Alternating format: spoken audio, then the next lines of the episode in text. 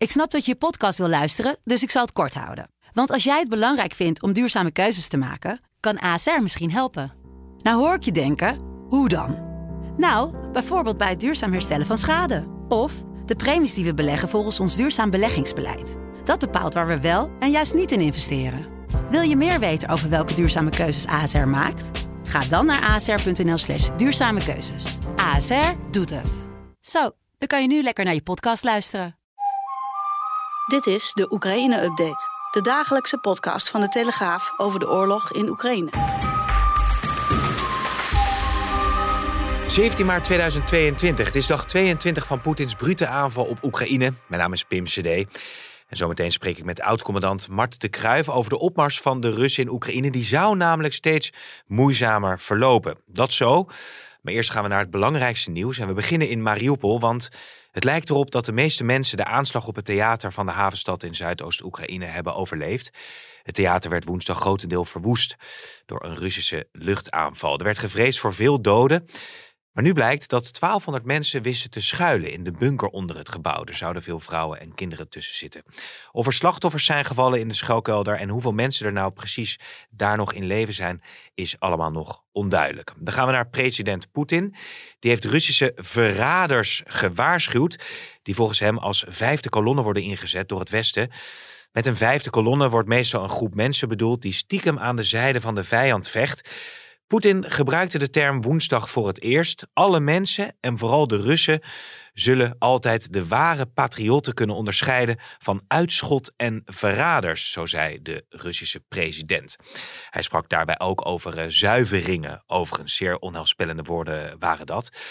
En het heeft geen zin om Russische oligarchen te dwingen om druk te zetten op Poetin. Dat zei een van de rijkste oligarchen van Rusland. Het Westen begrijpt niet hoe de macht werkt in Rusland, zo zei hij. Hij en andere Russische rijken zouden nooit op Poetin af durven stappen. Dat zou een vorm van zelfmoord zijn, al dus de eigenaar van Alfa Bank. De Russische opmars die lijkt de afgelopen dagen dus eh, wat te stagneren. Hoe zit dat nou precies? Wat doet het met het uh, moraal van de Russen en wat zal er de komende dagen gaan gebeuren? Ja, zeer boeiend en spannend ook wat daar allemaal gebeurt. En we praten erover met generaal buitendiensten Marten Kruijf. Meneer de Kruijf, fijn dat we u weer, uh, weer kunnen spreken. Die berichten die binnenkomen over die stagnatie van die Russische opmars. Is dat waar en hoe zien we dat? Ja, ik zou er mijn handtekening niet onderzetten op op dit moment. Uh, want ik zie op de drie strijdtonelen in de Oekraïne zeg maar, het volgende gebeuren. In het uh, zuiden hebben de Russen de verbinding tussen de Krim en uh, de Donbass tot stand gebracht om Mariupol heen. En we weten niet wat in Odessa gaat gebeuren. Maar ik vermoed dat ze nog helemaal door naar Moldavië. Dus dan hebben ze de hele kuststrook in handen. In Kiev is de situatie inderdaad statisch. Maar dan gaan ze ook niet verder omdat die stad veel te groot is om in te nemen met troepen. Dus daar wachten ze. En uh, het meest gebeurt nu in het oosten van het Dnieper, buiten ons zicht, waarbij de Russen proberen om grote delen van het Oekraïnse leger te omsingelen. Dus uh, stagnatie zou ik het niet willen noemen. Het is gewoon een groot land en het kost heel veel tijd om daar uh, militaire doelen te bereiken. Wat wel duidelijk is, is dat de snelheid van de opmars en de weerstand dat valt tegen. De weerstand van de Oekraïners is hoog en de Oekraïners vechten daar waar ze sterk zijn in de plaatsen. Maar ja. stagnatie, Zoveel ben ik nog niet. Nou zijn er berichten binnengekomen over 7000 uh, gesneuvelde Russische soldaten. 50 vliegtuigen zouden daar ook uh, bij zitten. Als het gaat over die invasie, hè, we, we zitten nu op dag uh, 22 dus. Hoe moeten we dat aantal, als het klopt, het is natuurlijk allemaal heel moeilijk om te verifiëren, maar hoe moeten we dat duiden? Nou, we zien aan beide zijden, want de vriesheid van de Oekraïne zien we niet of nauwelijks. Hè, en zijn ook uh, licht onderhevig aan de propaganda, ja. laten we maar zeggen. Ah, het is gewoon een hele intense oorlog. Dat is wel duidelijk. Het is echt een hele intense oorlog, zoals die binnen Europa eigenlijk niet meer hebben gekend sinds de Tweede Wereldoorlog. Uh, ter uh, vergelijking, in heel Afghanistan zijn 2500 Amerikanen gesneuveld in 20 jaar. En als je kijkt naar de vliegcijfers die uh, nu circuleren, en echt, echt zo met een kortje zout nemen. Maar dat wil ik te zeggen dat het ertoe leidt dat de aanname correct is dat de verliezen groot zijn aan beide kanten. Ja, we spraken net met uh, correspondent uh, van Diepen, die ook in Odessa zit. Die schetste ja. ook het beeld van, uh, nou ja, een, een, een, een, een, een fort noemde die het, wat Odessa ja. nu is. Um, ja. De, ja, de, de, het verzet daar ook lijkt weer zeer hevig te zijn. Ondertussen heb je ook te maken met de marineschepen die daar voor de kust liggen.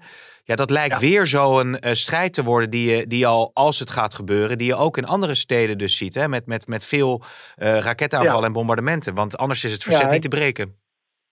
Nee, inderdaad. Er zijn een, een, aantal redenen waarom de Russen de steden liever niet ingaan. En het eerste is dat als ze op korte afstand moeten vechten met het Oekraïnse leger, dan vallen de voordelen die de Russen hebben, voordelen op het gebied van dracht en precisie, dus dan wordt het meer een uh, man tegen man uh, gevecht. En dan komt het aan op motivatie en leiderschap. En de kennis van het trein. Nou, dat doen de Oekraïners beter. Dus ze blijven zo'n weg. Uh, bovendien hebben we heel veel mensen nodig om heel Oekraïne te kunnen veroveren. En want ze vallen eigenlijk van alle kanten aan. Dus ze hebben ook niet zoveel manschappen vrij. Mm -hmm. En het derde is ehm, dat ze eigenlijk de de echte grote steden niet kunnen bezetten, omdat ze daar gewoon te weinig mensen voor hebben. Om een simpel voorbeeld te noemen. Als je Kiev wilt bezetten, heb je al meer dan 100.000 mensen nodig. Dus je kunt niet alles. Daarom is ook een beetje mijn angst dat ik niet denk dat ze Odessa willen gaan innemen. Alhoewel ze dat wel zullen proberen. Maar net als Mariupol of Kharkov eh, afsluiten met uh, vuur en om Odessa heen gaan om die verbinding tot stand te brengen. Ja, eh, ja. en dan zien we wat we het patroon wat we de laatste dagen zien, dat de Russen met veel kanonnen en uh, raketten veel schade aanrichten aan infrastructuur. Ja, ongelooflijk hè, om te bedenken dat Odessa een hele populaire badplaats is met uh, ja, met een heel oud uh, toeristisch centrum daar. Dus uh, ze wachten daar in spanning af wat er gaat uh, gebeuren. Nog één punt. Het is inderdaad moeilijk te verifiëren. Maar laten we ervan uitgaan dat er nou ja, misschien wel duizenden soldaten van Russische zijde gesneuveld zijn. Um, als we het dan over het moreel hebben van de Russen. Hè? Um, de oorlog duurt lang. er vallen veel slachtoffers. De strijd in de steden verloopt moeizaam. Het verzet is groot. Is, is dat vanuit uw militaire achtergrond, doet dat wat op een gegeven moment met die, met die manschappen? Is dat vol te houden? Eh, eh, ja, nou, punt 1 zou ik heel voorzichtig zijn door op grond van beelden te, iets te concluderen over het moreel van de Russische troepen. Mhm.